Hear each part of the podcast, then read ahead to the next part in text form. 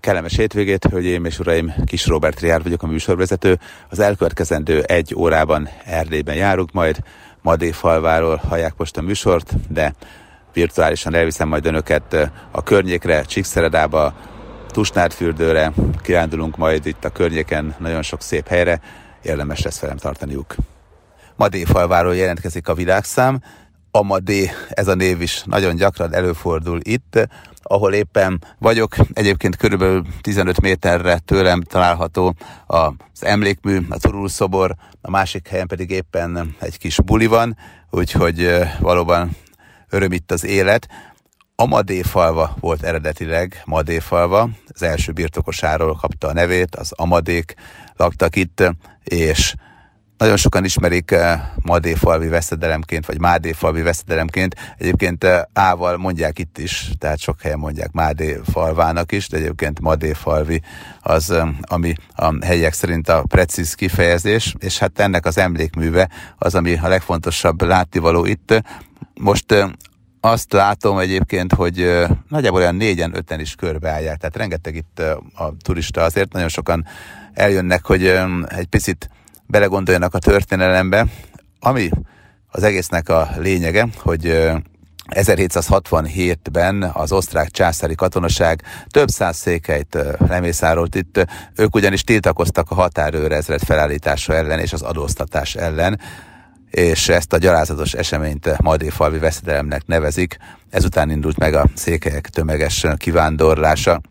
Úgyhogy a Madéfalvi veszedelemnek számos monda, regény, film állít emléket, de Madéfalva napjainkban egy rendkívül turisták körében népszerű olyan hely, ahol remek szállodát is találunk, egy izgalmas kis műfüves focipályával, nagyjából 25-30 méterre van tőlem ez a kis focipálya, tehát tényleg itt a centrumban szinte mindent megtalálunk.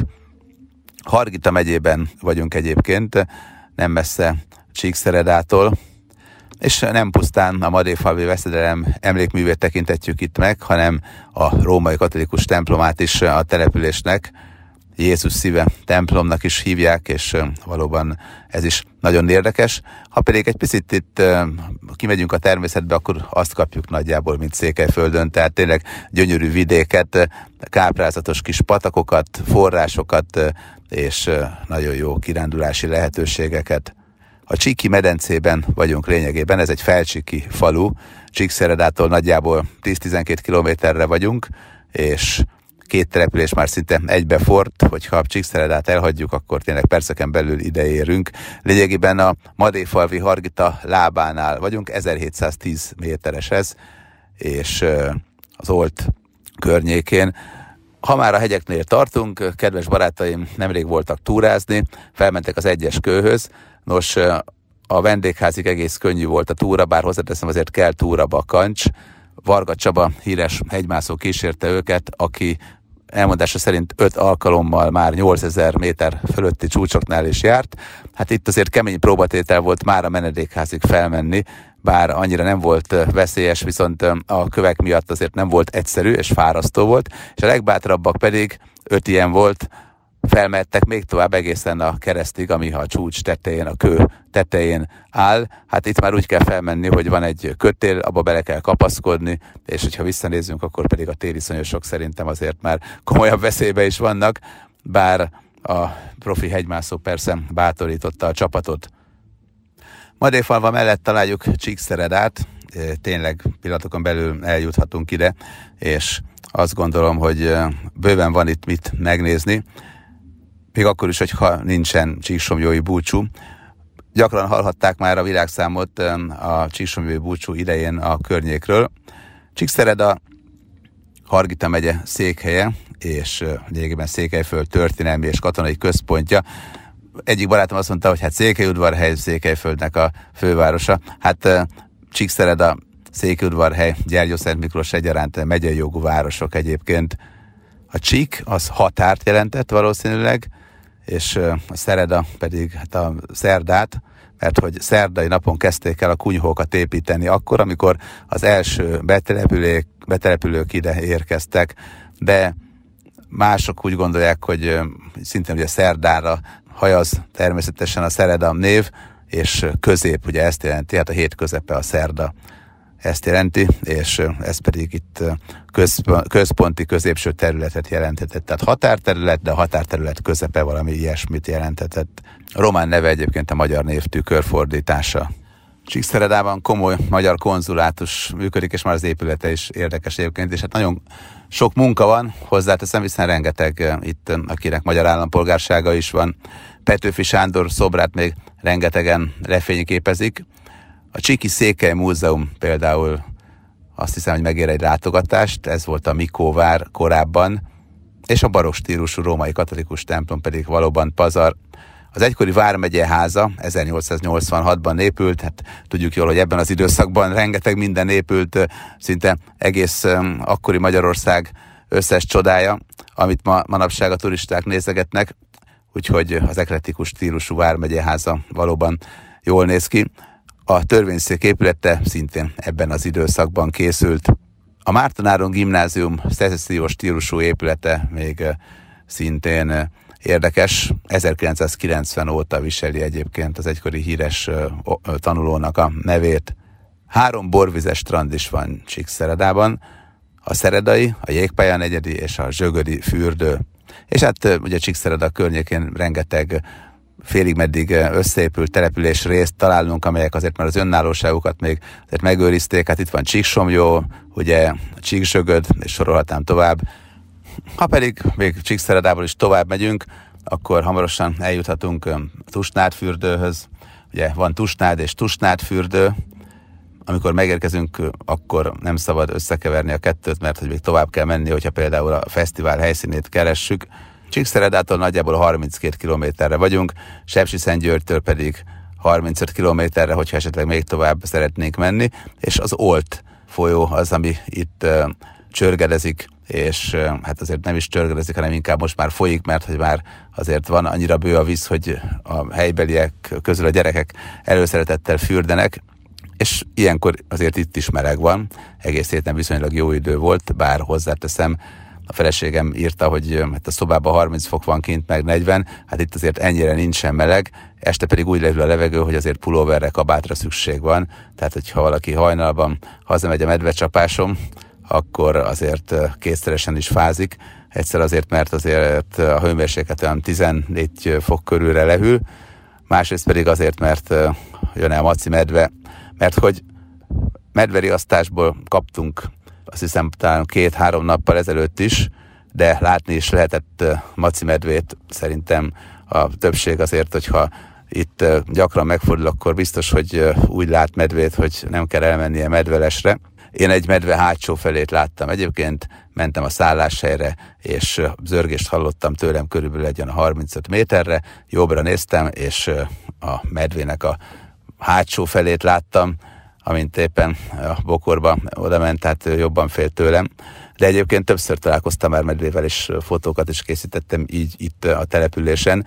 Egyszer a kukákat fosztogatták éppen az állomás mellett, amikor ott megálltunk, és felvettem videóra, hogy éppen körbejárja a maci a kukákat, megpróbál valami élelemhez jutni, aztán elporoszkál, Hozzáteszem, azóta kicseréltek a kukákat úgy, hogy most már nem tud hozzáférni a medve, tehát most már azért ezt a kihívást nem keresi. De előfordult az is, hogy a tábor területén fotóztak medvéket, sőt olyan is, hogy a vonat elütött kettő bocsot is sajnos, úgyhogy ilyenek is előfordultak. Szerencsére én itt olyan balesetről, ami a, akár a fesztivál idején, akár a turistákkal történt volna, nem hallottam, de hát a helybeliek esetében annál inkább, a pásztorok főleg nagyon sokat panaszkodnak.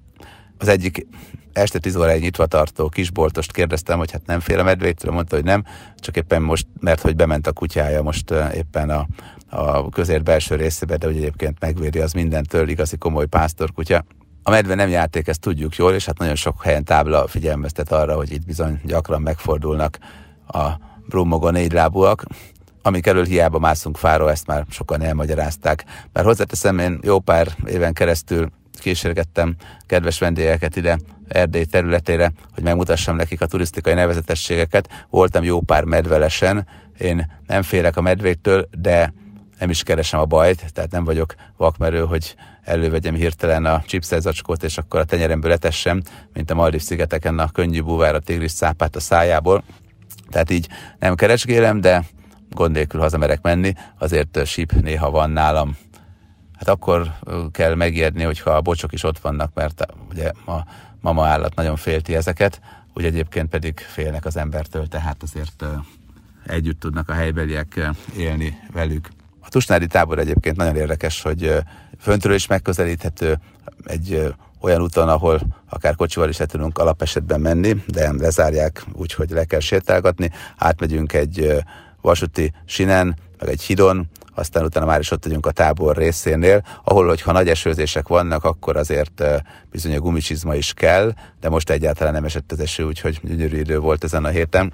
És a sátrakban a legkülönbözőbb rendezvények vannak, nappal, este pedig buli van, és hát a környékbeli fiatalok azért ide sereglenek, és hát táncolnak, hallgatják az együtteseket, meg a különböző sátrakban, a diszkókban, meg mindenféle zenés táncos mulatsága, meg a népi tánc partin, meg egyéb rendezvényeken részt vesznek. Hát itt igazából az emberek jelentős része hajnali 2-3-4 körül megy haza, és hát mindenki viszi persze a fütyülőjét, vagy a medveriasztóját, hogy hazafelé menet azért nyugodtan és békésen eljusson a szálláshelyig.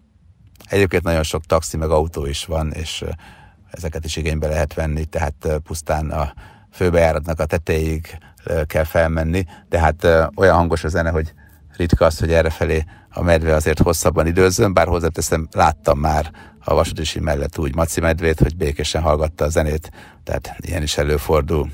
A maci medve kifejezést egyébként itt hallottam a Hargitán először, hogy megmocskolt a maci medve, mondta egy fiú, és az azt jelentette, hogy egyszerre értek málnát szedni oda a bokorhoz, és a medve pedig így egy kicsit arrébb taszajtotta, és hát ha megnézzük a medve karmait, akkor tudjuk jól, hogy ez bizony 8 napon belül gyógyuló sérüléseket jelent. Tustárfürdőn valóban már régóta voltak fürdők, de eredetileg egy ilyen mocsaras, bozótos, kis furcsa minifürdő volt, tehát tényleg piócák, minden volt itt, de egy pásztorfiú állítólag meggyógyult a kellemes víztől, és hát ez a legenda elterjedt, úgyhogy egyre többen jöttek ide gyógyulást keresve. Kibérelte végül is egy befektető a területet, és elkezdték a Tusnádfürdő, mai Tusnádfürdő megépítését. Villákat, fogadókat építettek, és a fürdő vendégeket elkezdték vendégül látni. Még svájci stílusú villákat is építettek az alvégi szikla alatti területeken. Egy ideig eh, palackoztak is tusnádi vizeket. Az 1900-as években pedig eh, kialakították a csukástavat, ez az Old Hall tágának egy eh, része, és itt még csónakázni is lehetett. Aztán szállodákat építettek, meg kempinget is csináltak, de megcsapantak a vendégek, és hát egészen az 1900-as évek végéig azért eh, elég lassan indult újra a Tusnádi fürdőtelep. Később aztán mind a fesztivál okozta hírverésnek, mint pedig eh, az újabb fejlesztéseknek köszönhetően már a termálvizes élményfürdő is nyílt, úgyhogy eh, ismét turisztikai központ lett. 1500-1600 méteres hegyek ölelésében vagyunk itt, egy kellemes kis völgyben, úgyhogy kiválóan alkalmas ez kirándulásokra. Én egy uazzal is kirándultam, itt tényleg az igazi terepjáró, és valóban átmentünk itt a hegyen, le a völgy részig a tábor oldalába. Hát nagy élmény volt maga az utazás is, így a szakadék szélén. Nem messze van itt a sólyomkő, ez egy sziklaszírt, egy komoly őrtorony volt egykor, a maradványai ma is láthatóak, és hát szálláshely is őrzi sólyomkő nevét. A vasútállomás környékén, hogyha végig sétálunk, akkor egy kis hidat találunk, itt jobbra és balra gyönyörű az olt, de általában is mesés képek készülhetnek. Nagyon sokan horgásznak errefelé, rengeteg a természetjáró, a hegymászóknak pedig igazi paradicsom a környék. A Tusnerfürdői emlékművet is sokan megnézik, de általában az Olt völgye az, ahol a legtöbben kirándulnak. Ha a sólyomkőhöz felkapaszkodunk, akkor pedig álomszép panoráma tárul elénk, úgyhogy úgy érezzük, hogy megérte ide felmászni. Amellett, hogy rengeteg éttermet találunk, kipróbálhatjuk az itteni kürtös kalácsot, van lángos, édes is, meg sós is, ettem mindenfélét fajtát, nagyon finom egyébként, a kürtös kalácsban talán a gyilkostó környéken ettem finomabbat, meg Balavásárán, de azért az itteni is nagyon jó. Rengeteg fajta péksütemény közül választhatunk, ugye a klasszikus mics is kapható, Hát az, az italokból pedig nagyon nagy a választék, ugye a közeli csiki sörgyár termékei is szinte mindenhol ott vannak. Ezek a kis bódék azt gondolom, hogy jobbnál jobb falatokat kínálnak, és hát mellette a helyi árusok kihoznak gyümölcsöket, errefelé később érik a cseresznye, úgyhogy nagyon finom cseresznyét ettem, pedig azt hittem otthon, hogy most már nem fogok idén enni, mert hát szem, talán egy hete már nem nagyon lehet nálunk kapni finom ropogós cseresznyét, itt meg most érik. A sárga barack kis édes és zamatos, és az is most érik, az is egy kicsit később, mint nálunk. Rengeteg erdei gyümölcs van, málnát lehet a bokorról szedni, hogyha nem előz meg minket a maci. Tehát tényleg ezek a, az erdei gyümölcsök, meg a rendes gyümölcsök, meg a gyümölcsös kertek még olyanok, hogy nem nagyon permetezett, és kicsit így úgy megbolondított gyümölcsök világát idézik, hanem a természetesen finomat. És ez igaz a tojásra, igaz a sajtra is, hát minden reggel sajtot, meg sonkát reggelizünk, meg finom gyümölcsöket eszünk, úgyhogy valóban itt még azért igaziak az ízek, és ez sokat számít. Tusnádfürdőről beszélek, de a fesztivált egyébként tusványosnak hívják. 1989 óta rendezik meg, és azért tusványos, mert hogy Tusnádfürdő az egyik település, ugye Bálványos a másik, és összevonva ez Tusványos, tehát így lett lényegében ez Tusványos. A hivatalos neve egyébként Bálványosi nyári diáktábor, szabad és diáktábor. Akik ide látogatnak a fesztiválra, általában alig találnak már szálláshelyet, tehát sokszor Csíkszeredában, vagy akár Bálványoson laknak, mert itt minden szinte teljesen tele van, és hát sokat kirándulnak azok, akik itt töltenek 3, 4, 5, 6 napot, vagy akár egy hetet, és hát van hová bőven. Hiszen, hogyha valaki már ismeri a klasszikus látványosságokat, Gyergyószert Miklós csodáit, a gyilkostót, környékét bebarangolta, megnézte a Békás szorost, elment a Szent Annatóhoz, járt Sepsi-Szentgyörgyön és környékén, és sorolhatnám tovább, akkor is talál apró, gyönyörű kis településeket, falvakat, meseszép templomokat, fantasztikus csörgerező kis patakokat itt, és hát hihetetlen, hogy mennyit lehet kirándulni. Lehet rengeteg-rengeteg árus találni az útszélén, erdélyi gyümölcsöket falatozni, hagymát vásárolni, meg hát sok minden mást. Úgyhogy nem megyünk üres kézzel haza, az szinte biztos. Én is vettem Fülöpnek és Jászminkának sok-sok izgalmas kis fajátékot, meg egyéb érdekes dolgokat.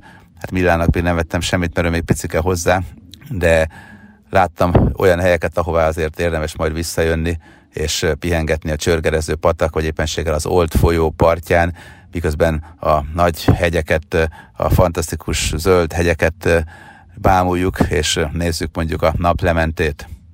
Egyébként a Tusnári Fesztivál úgy működik, hogy ha valaki délután négy előtt érkezik, akkor kap karszalagot ingyen, ha pedig négy után, akkor megfizetni kell érte. Ezt azért találták ki, hogyha valaki meghallgat egy előadást, vagy mondjuk oda megy és Markó Rosszinak tapsol, mert hogy ő is hogy itt volt, akkor már ott maradhat este bulizni, de ha valaki csak a koncertekre, a diszkóhoz érkezik, és az esti fesztivál és parti hangulat az, ami vonzza, hát akkor fizetnie kell vehet egyhetes vagy egynapos karszalagot.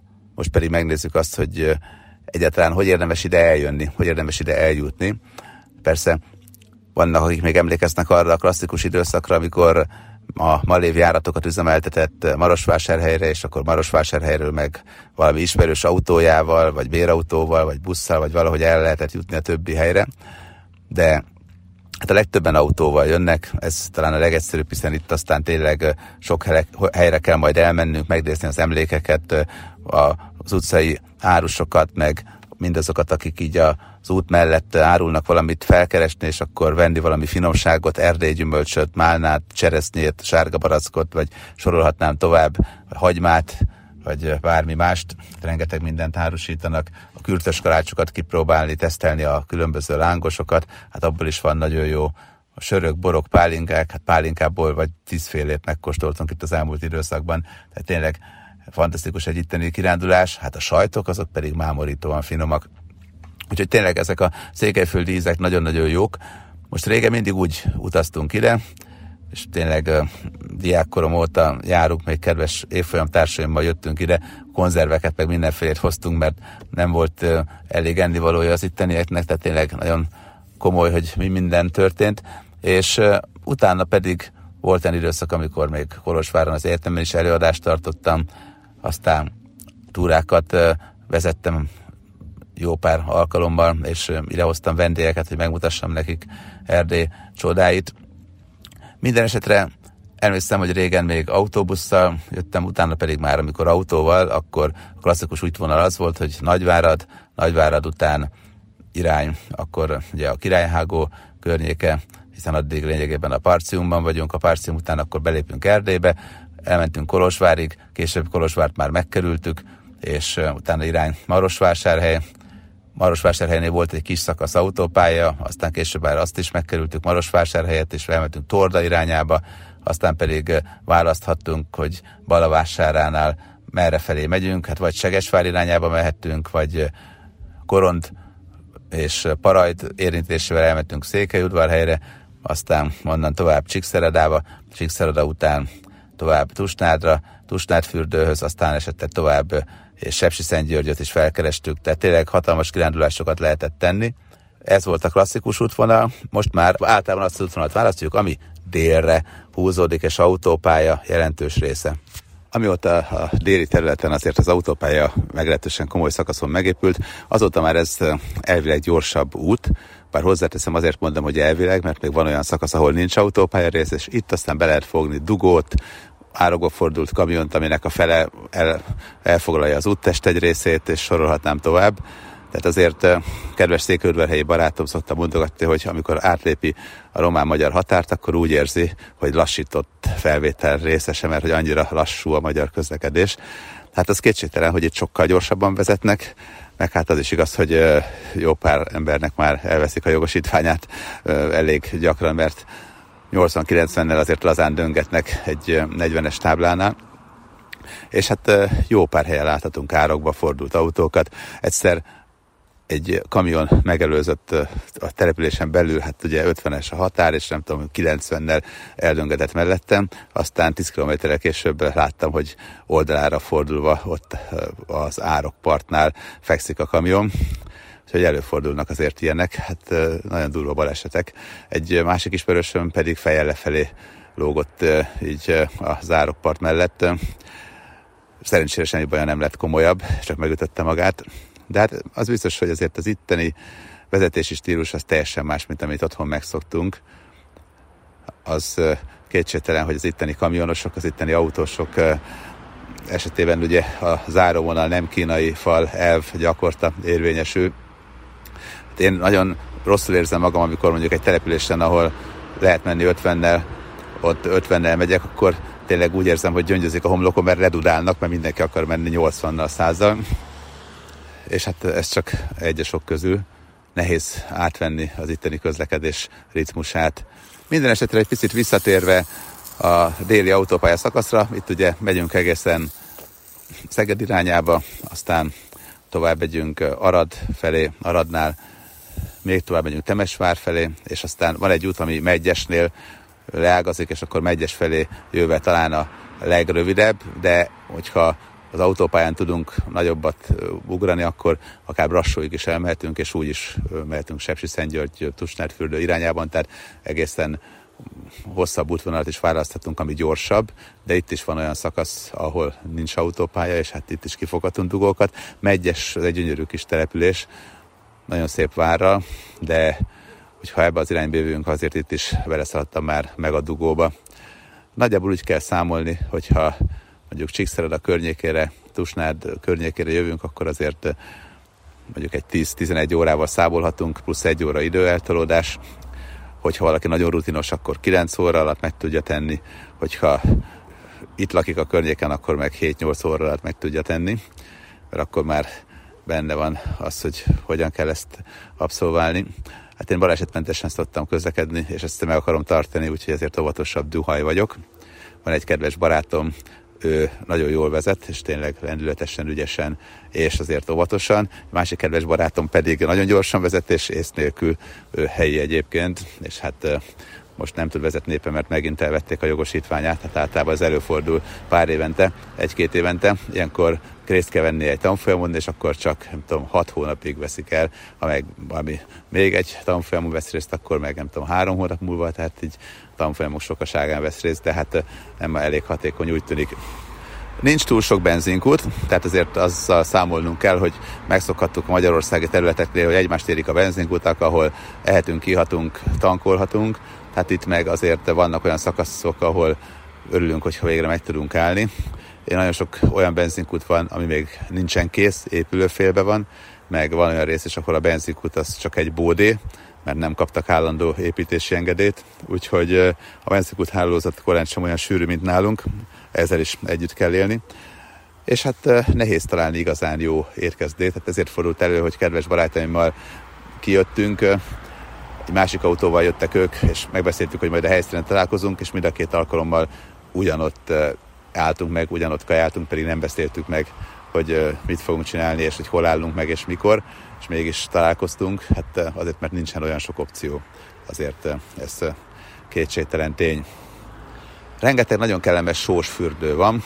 Én például majd délután, most szombat délután szeretnék hazafelé menet beugrani egy olyan kárfürdős helyre, ahol nagyon erős sós vízben megfürödhetek, hát utána úgy érzi az ember, hogy újjászületett. Persze, hogyha előtte borotválkoztunk, akkor azért óvatosan duhajkodjunk, mert hát minden egyes kis sebnél úgy érezzük, hogy így mar a só minket. Hasonló élmény ez, mint amikor a holtengerben fürdünk, és az egész azért jó, mert hát az apró kis kiütések, minden egyéb ilyen mini bőrhiba, amit észre se veszünk szinte, de azért zavaró, az eltűnik, hát kimarja itt a só.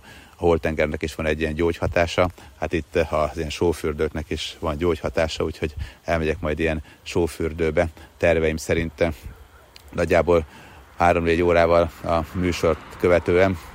Itt a környéken egyébként Csíkszered, a Madéfalva, Tusnád fürdő környékén, hát szombaton azért a legtöbben kimennek a fesztiválra, meghallgatják a miniszterelnöki beszédet, aztán utána délután a koncertet, már fél egykor is lesz egy érdekes koncert, de egyébként pedig hát sok minden más is, folyamatosak a kulturális programok, és nagyon sokan pedig elindulnak még kirándulni ezen a hétvégén, jó pár helyen itt a környéken, helyre, Gyergyószert Miklósra, Parajdon, rengetegen fürdenek, ott is van egy nagyon jó fürdő, és hát rengetegen mennek le a sóbányába, ahová nagy buszokkal viszik le a turistákat, és egy hatalmas föld alatti komplexumok találunk ott.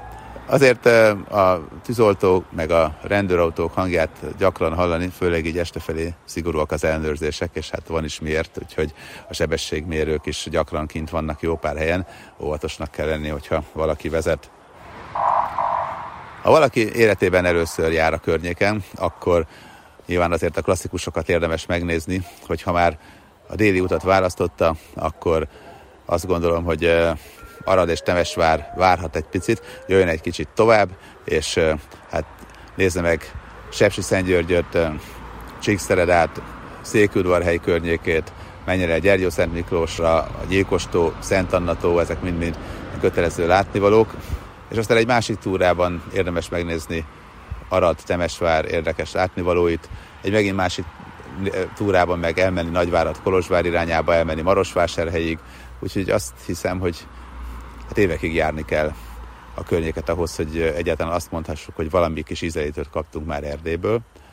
Egy a lényeg, hogy nem úgy kell megnézni, hogy átjövünk a határon, és megérkezünk Szatmár Németibe vagy Nagyváradra, és azt mondjuk, hogy hát igen, ez Erdély, hát nem az még a párcium, és jöjjünk át a Királyhágon, jöjjünk el Székelyföldre, és itt Székülverhelyen, Gyergyószert Miklós környékén, Csíkszereda környékén fogjuk érezni, látni azt, hogy tényleg mennyire őrzik a hagyományokat, mennyi sok emlék az, ami fontos még a helyieknek, milyen érdekes az itteni nyelvjárás, milyen finomak az itteni ízek, és hát milyen érdekes az, amikor a macimedve kibrummog az erdőből, és ezt látjuk és test közelből átéljük, bár hozzáteszem, a medve nem játék, ezt már mondtam a műsor első részében, van egy ilyen mondás is Gyergyó Szent Miklósnak, és ez az egyik szlogenje, a másik meg az, hogy Erdély kaland fővárosa, és hát valóban amikor jönnek ilyen vészjelzések, hogy hát úristen, medve mindenki maradjon otthon, mert hogy a mobiltelefonra ezek érkeznek Tusnár környékén, hát akkor sokszor az emberek beülnek az autóba és elmennek arra a helyre, ahol mondták, hogy ott a medve, hogy lássák a medvét, de hát uh, ilyenkor általában medve már elspurizik. Csak ez is érdekes, hogy hát az emberi természet nem olyan, hogy akkor gyorsan beretesztelem otthon az ajtót, meg a, az ablakot, és aztán vacogva várom azt, hogy bekopogjon a maci medve. Ha már a medvénél tartunk, érdekes történet, egy kedves barátom vendégházánál laktunk sok, sokszor um, Tusnádon, és egyik alkalommal a medve átmászott a kerítésem, oda csapott egy nagyot az ajtónak, az ajtó betört, és a baloldali szobában szépen leheveredett az ágyra, aztán felkelt, valahogy sikerült kinyitni a hűtőszekrényt, kirámolta, megevett mindent, majd visszament aludni egy picit, utána pedig szépen távozott. Ezt láttuk utána, mert hogy fotó és videó is készült az esetről, és a legdurvább az, hogy abban az ágyban aludt, ahol én is szoktam aludni ebben a vendégházban, tehát uh, eléggé dermesztő volt látni, hogy a Maci azért, amikor így lefekszik aludni, akkor egy picit átrendezi a szobát, tehát azért nyomai vannak ennek alaposan, és hát egy kicsit így fura volt, hogy én is mindig, amikor belépünk, akkor a baloldali szobában szoktam leheveredni, és hát a Maci is úgy gondolta, hogy ez jó ötlet. Aztán utána már lett villanypásztor, és hát attól azért félnek a macik, maci medvék, úgyhogy azóta nem volt szerencsére belső látogatás, nem ment be a kis vendégházba a medve, de mondom, nem, hogy az erdőben nem maradt, nem, hogy oda jött a kerítéshez, hanem még be is jött, ilyen is előfordult.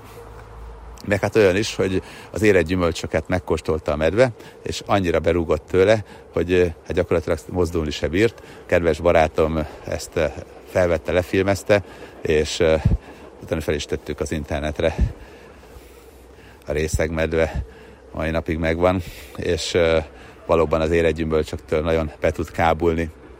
Rengeteg gyümölcs van egyébként az erdőben, és hát ezt nagyon szeretik a medvék. A vasút hangjai gyakran behallatszódnak, és ez azért is van, mert hát itt még azért a sinek illesztése, ez nem a japán technológiát idézi, meg hát a különböző vasúti közúti közös átkelők is olyanok, hogy örülünk, ha egyáltalán van fénysorompó, vagy egy fél sorompó, de általában csak egy stop tábla, és jobbra-balra meg kell nézni, hogy jön-e a vonat.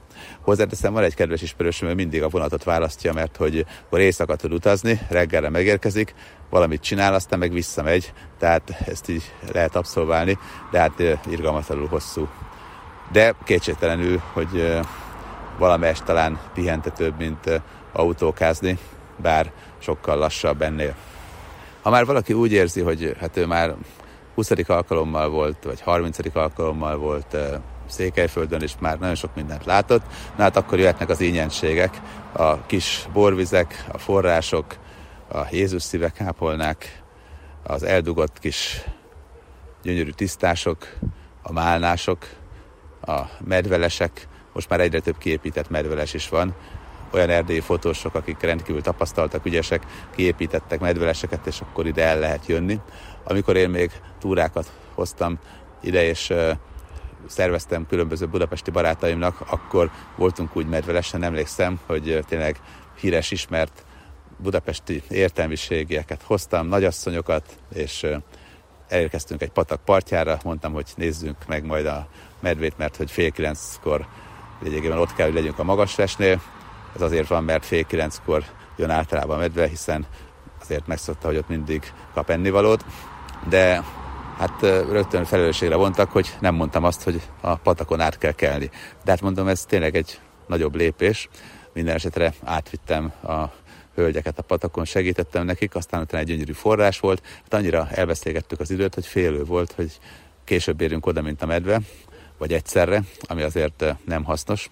De szerencsére pár perccel korábban érkeztünk a medvéhez képest a magasleshez, amikor közölték a hölgyek, lányok, hogy hát azt nem mondtam, hogy fel kell mászni egy ilyen magas lesre, de hát bizony fel kellett mászni, és éppen felértünk, már jött is a maci medve, és le is lehetett fotózni, de hát annyira megijedt aztán az egyik kamera kattogásától, hogy gyorsan bespurizott a, az erdőbe vissza, de minden esetre láttunk medvét. Egy másik csapat pedig akkor látott medvét, amikor hazafelé mentek, és hopp, átrohant a medve az autó előtt. Úgyhogy vannak szervezett medvelesek, de Tusnár környékén igazából nem kell szervezett medveles, elég este hazamenni, és nagy valószínűséggel mondjuk 5.-10. alkalommal, de biztos, hogy látunk az állomás környékén, az erdőbe, a bokrok környékén macikat, de hozzáteszem, ez nem játék, tehát ne menjünk közel hozzá, ha síp van nálunk, az is jó, és ha pedig biztosra akarunk menni, akkor tegyünk be valamilyen jó zenét. Én például az Aranka nevű megasláger kíséretébe mentem át az erdőn gyalog hazafelé, mert most egy másik vendégházban lakom, de ott is az erdőn keresztül kell menni, és ott is lényegében egy olyan 35-40 métert egy földúton kell megtenni, egy kis ösvényen az erdő sűrűjében. Hát ott az, hogy csak a tomporát láttam egy medvének, az még végtelen szerencse, mert egyébként este szerintem, hogyha nem kapcsoltam volna be a zenét a mobilon, akkor valószínűleg a csalitosba, megrepetésben is lehet, hogy részem lett volna. Úgyhogy erre azért vigyázni kell, meg komolyan kell venni, de hát ez csak a dolog romantikáját növeli sokak számében. Hát a helyek meg azt mondják, hogy a medvéket ritkítani kell. Nyilván nekik ott az élő mindennapjaikat, hogyha például a kisgyerekek sétálnak, akkor azért veszélyessé teszi, és ezt is meg tudom érteni. Az utóbbi időben nagyon sok jó vendégház épült Erdélyben. A koronavírus idején nagy volt a gond, mert hogy ezek üresen álltak, de most úgy tűnik, hogy ismét visszatértek a vendégek, visszatértek a turisták. Egyre több olyan vendégház is épült, ahol már van kisebb-nagyobb medence, ahol már vannak akár wellness szolgáltatások is, ahol már nem pusztán egy kényelmes ágy vár minket, hanem szalonnasütési lehetőség, focipálya, sportolás, gyerekeknek játszótér, tehát azért itt is van fejlődés, bár ez a fejlődés azért nem olyan erős, mint amit Magyarországon látunk, ahol azért a szállodai szobák jelentős része megújult, és nagyon sok új panzió nyílt, ötcsillagos szállodák is vannak, már a Balaton északi partján is vannak ötcsillagos szállodák, tehát itt azért nincsen ilyen ütemű fejlődés, de az kétségtelen, hogy hát most is 50 méterre állok egy vadonatúj, jól kinéző háromcsillagos panzió előtt, és mondjuk egy 15-20 évvel ezelőtt inkább a falusi turizmus volt az, ami eszünkbe jutott, ha azt mondtuk, hogy Erdély, mert hogy a kis panziók voltak elsősorban divatosak, meg az olyan házak, ahol nagyon jó volt a reggeli, de azért a szobába bele lehetett kötni, hogyha valaki nagyon a francia riviera nevelkedett. Hát most azért már van mindenféle. Most már nagyon sokféle fajta szálláshely közül válogathatunk, most már vannak olyanok, amelyek tényleg az európai szinten is azt mondom, hogy három-négy csillagosak, és valóban komoly szolgáltatásokkal várják a vendégeket. De még mindig nem emiatt jövünk ide, hanem a közös kultúrkincsek miatt, a magyar nyelv miatt, a finom ételek, az összetartozás és a fantasztikus természet miatt. A hegyek mámorítóak, azt hiszem, hogy az a fajta vadregényesség az közép-kelet-európában kevés helyen érződik úgy, mint itt, ami az erdélyi hegyekben egy picit megfogja az embert, és ezt a természetközeliséget átérezzük. És amikor pedig a séta után megérkezünk egy forráshoz, és a forráson van egy kis emléktábla, és ott mondjuk 150 éves magyar feliratokat láthatunk, akkor valóban úgy érezzük, hogy megérkeztünk. Ha valaki új autót vásárolt, akkor azért az első útja ne ide vezessen, hanem egy picit élvezze, hogy még nincsen rajta karcolás, meg rendben van az alváz, mert vannak hatalmas kátyuk, és földutak, az igazán izgalmas látnivalókhoz sokszor úgy kell bemenni, mint ahogy mi is a vendégházhoz, hogy egy jó kövér gázzal, és aztán reménykedünk, hogy a múlvásköves úton talán fölkapar az egyhatos koda, de egyébként is rengeteg állat van, például már kora este mindenhol kisebb-nagyobb állatkák, nagyon kell vigyázni, hogy azokat ne üssük el, hát legalábbis én sajnálom az állatokat, hát azért ezzel mind együtt kell élni, hogyha itt barangulunk a környéken. A falvak világa rendkívül megkapó, rengeteg sok székelykapus házat találunk, igazi portákat, én nagyon szeretek beszélgetni a helyiek közül azokkal, akik tényleg még minden nap dolgoznak a földeken, pásztorkodnak, és csodás történeteket ismerek meg. Voltam egy olyan pásztornál, aki mindig készíti a finom friss sajtokat, és annyi sajtot ettem, hogy úgy éreztem, hogy végem van, hát ilyen meleg sajtot, tényleg, az, az úgy eteti magát, hogy hihetetlen. Hát minden nap most az egész héten reggel mindig sajtot ettem, meg sonkát, meg mondom cseresznyét, sárga barackot, málnát, friss gyümölcsöket, erdei gyümölcsöket, rengeteget, tehát hihetetlenül jó volt. És hát persze lángost mindenféle fajta formába. A kültös karácsból pedig szerintem vinni is fogok haza, mert hogy Fülöp nagyon fogja várni majd, hogy vasárnap reggel, hogyha felébred, akkor leszek nagyjából otthon, akkor falatozhasson ezekből. Hölgyeim és uraim, önök a világszámot és benne a műsorvezetőt, Kis Robert Rihárdot hallották. Ezúttal Erdélyben jártunk, Székelyudvarhegyen, Csíkszeredában, Madéfalván, Tusnádfürdőn, innen hallhatták a műsort. Remélem, hogy a hétvégéjük kellemesen telik, meg abban is reménykedem, hogy majd vasárnap hajnalba kellemesen hazaérkezem. További jó rádiózást kívánok Önöknek. Búcsúzik a műsorvezető Kis Robert Rihárd. Garajt Bendegúz segítőtársam nevében is kellemes hétvégét viszont hallásra.